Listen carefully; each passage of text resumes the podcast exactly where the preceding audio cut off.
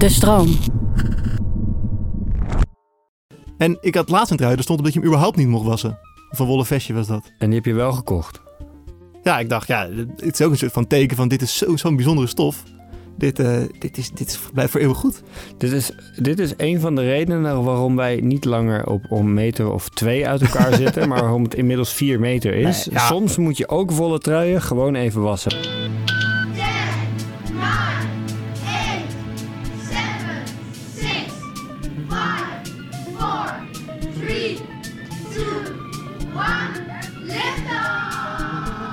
Welkom bij Bert ziet sterren, de populair wetenschappelijke podcast waarin ik iedere aflevering samen met mijn goede vriend en promovendus theoretische natuurkunde, Bert, een duik neem in de wondere wereld der natuurkunde. Hey Tim, Hallo. ben ik blij om hier weer te zijn.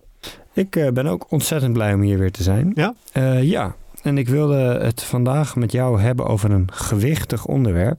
Namelijk het begin van alles. Oké, het begin van alles. De oerknal. Dat is inderdaad, eh, voor wat ik van de oerknal weet, is dat dat het begin van alles is. Nou, dat is, een, dat is ook een begin van wat je weet. En nog meer? Het was volgens mij eh, lang geleden. Ja, nou, dat, dat is inderdaad waar. En het was er toen heel heet en het eh, heelal was heel klein.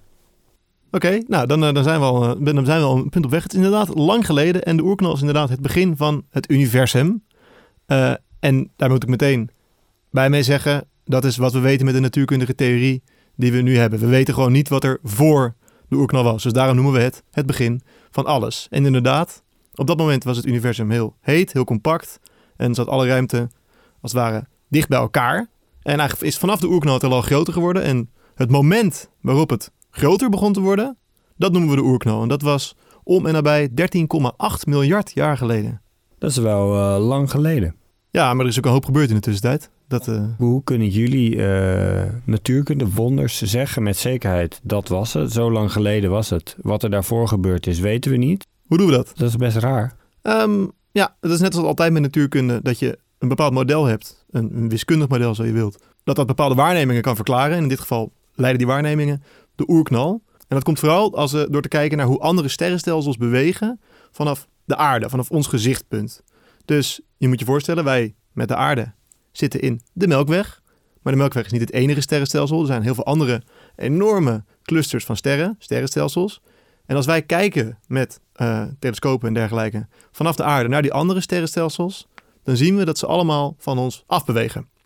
En hoe verder weg ze gaan, hoe verder weg ze zijn, hoe sneller ze ook van ons afbewegen.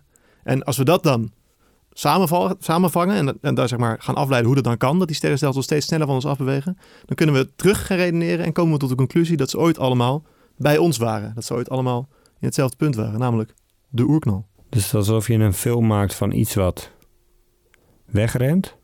Eh, stel even, jij gaat op een, op een voetbalveld staan. Nou, liever niet. Nou, stel je bent toch een keer overgehaald om op een voetbalveld te gaan staan. Ja. En je ziet aan alle eh, kanten mensen heel hard van jou wegrennen. Dan eh, denk ik, wat heb ik nu weer verkeerd gezegd? Ja, snap ik. En als natuurkundige zou je daarna denken...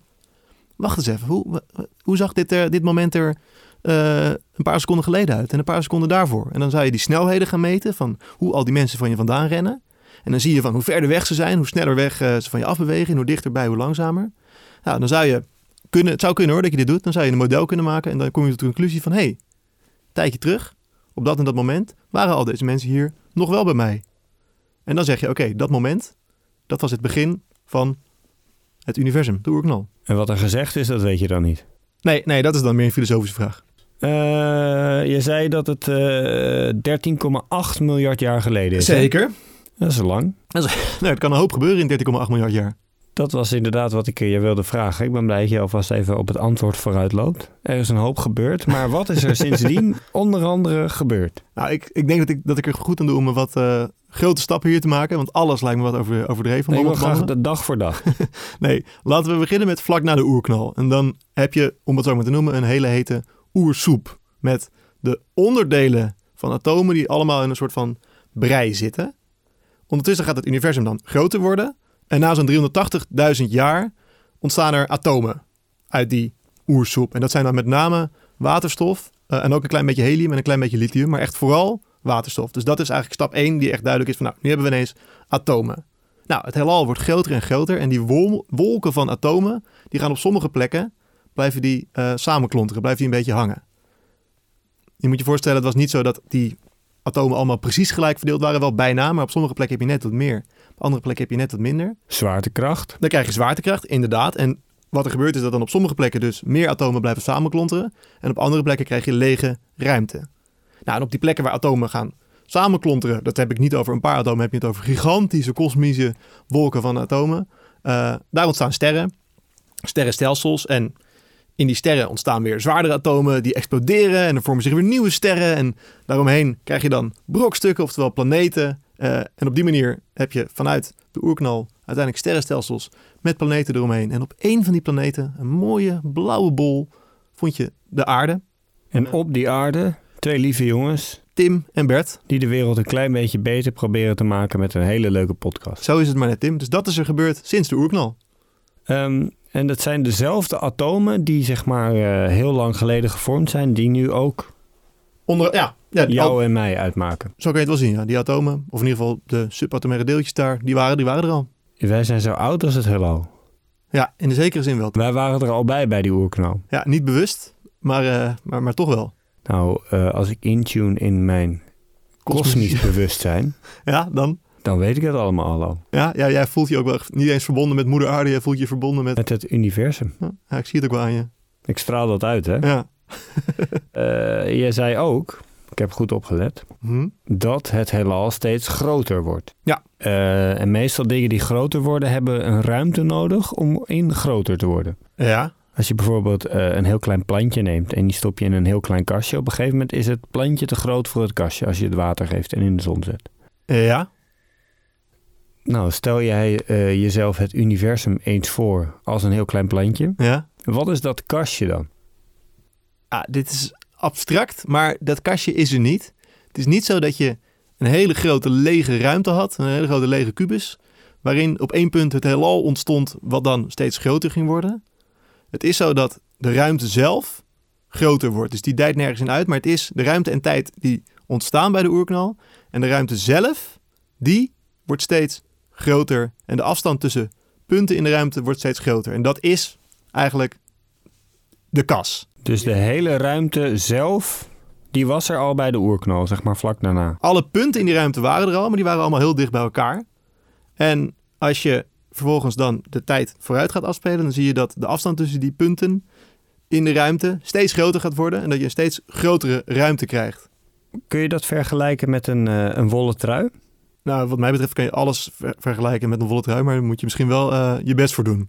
Nou, je, je weet dat ik eh, niet alleen fan ben van eh, natuurkundige vragen stellen, Eh, dingen leren, met zo'n zo'n pintere jongen. maar ook van amateurcinematografie. Dat, dat- als ik aan Tim denk, denk ik eigenlijk met, als eerste aan amateurcinematografie. En daarna aan Zeiss en Leica. Klopt. Maar goed, ik stel je voor, hè, je hebt een, een wollen trui. Ja. En soms moet je die gewoon even wassen. Niet zo vaak, maar soms wel. Ja, dat vraag ik me dus af. Want ik, ja, ik durf dat sowieso niet zelf. Eh, want ik ben gewoon bang dat ik dan het verkeerde wasprogramma kies en zo. Dus dan moet hij, eh, moet hij toch weer naar, eh, naar mijn moeder of naar mijn vriendin. En ik had laatst een trui, er stond op dat je hem überhaupt niet mocht wassen. Of een wollen vestje was dat. En die heb je wel gekocht. Ja, ik dacht, ja, het is ook een soort van teken van dit is zo- zo'n bijzondere stof.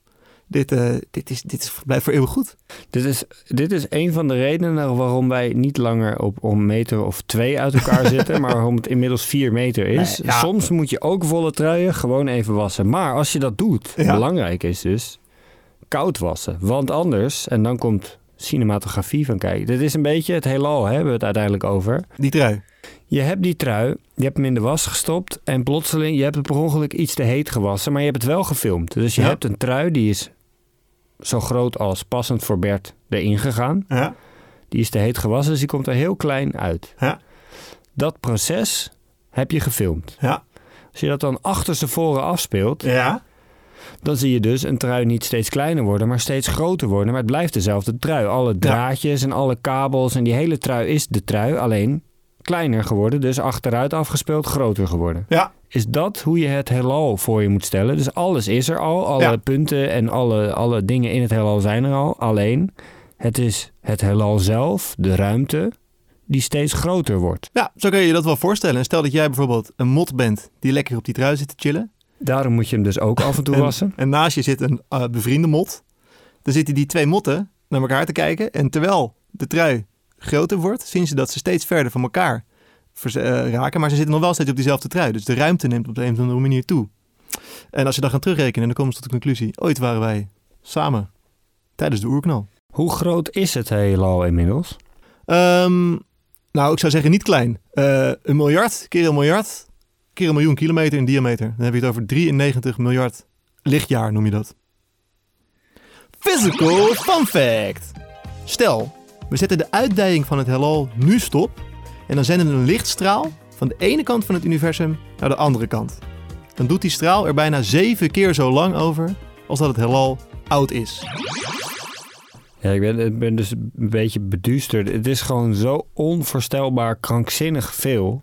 Het is eh, ve- veel, veel, eh, veel ruimte. Ja, dat is toch niet normaal? Licht gaat super hard. Ja, En het heelal is super onvoorstelbaar oud. Kan Ja. je echt niks... Ik bedoel, je kan het nu noemen, maar Ja. je kan je er niks bij voorstellen. nee. En dat dan keer zeven. Dat Ja. is toch niet normaal? Iets wat je niet kan voorstellen keer 7. Dat kan je je nog steeds niet voorstellen. Dus in die zin maakt het eigenlijk ook niet zo heel veel uit. Hoe groot het is.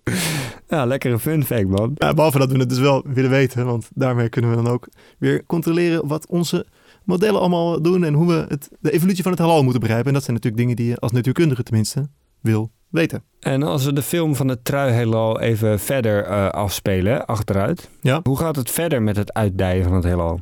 Er zijn een aantal scenario's en het is nog niet helemaal bekend wat het gaat worden. En het bekendste scenario, of het meest eh, gedeelde scenario, het meest ondersteunde scenario op dit moment, is dat het heelal steeds verder en steeds sneller zal gaan uitdijen. Waardoor er ook bepaalde regio's zijn, bepaalde stukken van het heelal die voorgoed buiten ons bereik zullen raken. Maar er zijn ook andere theorieën, namelijk dat het heelal steeds langzamer gaat uitdijen en uiteindelijk afkoelt. Dat is een soort van, dan wordt het ijskoud en dan komt alles stil te staan. En er is ook een optie, als die op dit moment niet eh, zoveel eh, ondersteunt, dat het heelal weer gaat krimpen en dat het in elkaar klapt tot een soort van omgekeerde oerknal. Maar dat afkoelen, want het is al heel koud in het heelal, weet ik nog uit een vorige aflevering. Ja? Dat eh, hoeft niet zo heel veel meer te gebeuren. Nee, maar dan, dat is waar. Maar als de uitdijing ook nog stopt, dan heb je een soort van totaal stilstaand heelal waar geen beweging meer in zit. Dat klinkt niet als een... eh, niet zo leuk. Maar voorgoed het contact kwijtraken met allemaal eh, regio's in het heelal, dat vind je, wel, vind je wel leuk klinken. Nou, ligt eraan welke regio's dat zijn. Dat is ook waar. Het is toch al best moeilijk om daar te komen. Op welke manier buiten ons bereik? Dat je het zelfs met een telescoop niet meer kan zien? Is dat hoe je het moet voorstellen? Want je komt er toch niet. Nee, maar dat je ook, ook als je met de lichtsnelheid reist, dat je het dan niet meer kan bereiken. Eh, ken jij iemand die met de lichtsnelheid kan reizen? Nee, precies. Dus het is nu ook al onbereikbaar. Ja, maar je hebt nog een verschil tussen principieel onbereikbaar en praktisch onbereikbaar. En het resultaat in beide gevallen is dat we er niet kunnen komen, toch? Toch? Maar ja, je wilt natuurlijk ook nog snappen hoe het theoretisch werkt. Weet ik eh, genoeg van de oerknal? Nou ja, ik vond zelf dat ik best lekker bezig was. Eh, Dus ik dat je echt aan het knallen was. dus ik, denk, ik, denk, ik, vind, ik vind van wel. Maar dat zal altijd maar blijken met die pitches van jou. Eh, nou, ik ga mijn best doen. Ik vind het een eh, fascinerend onderwerp. Dus ik heb nog beter opgelet dan anders. Kijk, zo mag ik het horen. Eh, en dan stap ik de Space Shuttle lift in. Dan start ik mijn supersonische sportswatch. En dan hebben wij het over de oerknal. En de oerknal is, tenzij je de Bijbel gelooft, het begin van alles. En met alles bedoel ik ook echt alles, want het gaat om het begin van het hele universum. En eh, op het moment van de oerknal, wat 13,8 miljard jaar geleden was, was de ruimte heel heet en compact. Zat alle ruimte en alles wat daarin zit op één punt samengepakt. En toen is alles uit elkaar geklapt en sindsdien beweegt alles uit elkaar.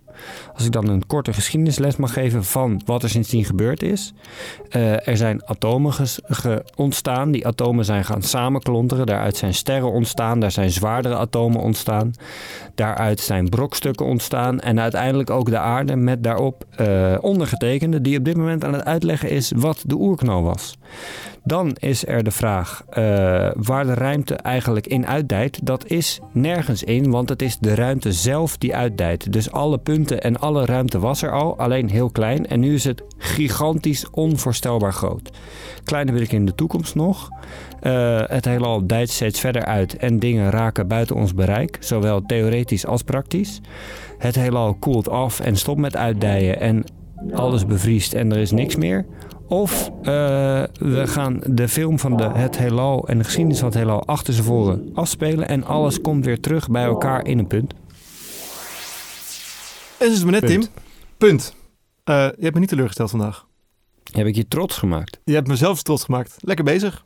Daar ben ik heel blij mee. Ik, eh, maar ik, bl- ik blijf erbij dat je, dat je soms je trui gewoon niet hoeft te wassen. Welke the- theorieën hang jij aan? Eh, in dit geval, nou ik ga, ik, op dit moment geloof ik eh, de, de meerderheid van de natuurkundigen wel als ze zeggen dat het heelal steeds verder en steeds sneller zal uitdijen. Dit was Bert ziet sterren voor deze week. Wil jij voorkomen dat onze afleveringen voor eeuwig buiten jouw bereik zullen geraken? Klik dan op volgen in je favoriete podcast-app. Dan komen de nieuwe afleveringen vanzelf door je brievenbus. En mocht je daar dan toch zijn, geef ons dan een recensie. Geef Bert ziet sterren, sterren, want eh, daar zijn we dol op. En heb je vragen of wil je zelf een onderwerp aandragen? Mail dan naar bertzietsterren.de-stroom.nl Voor nu, heel hartelijk dank voor het luisteren. En tot de volgende ster. Hatsa.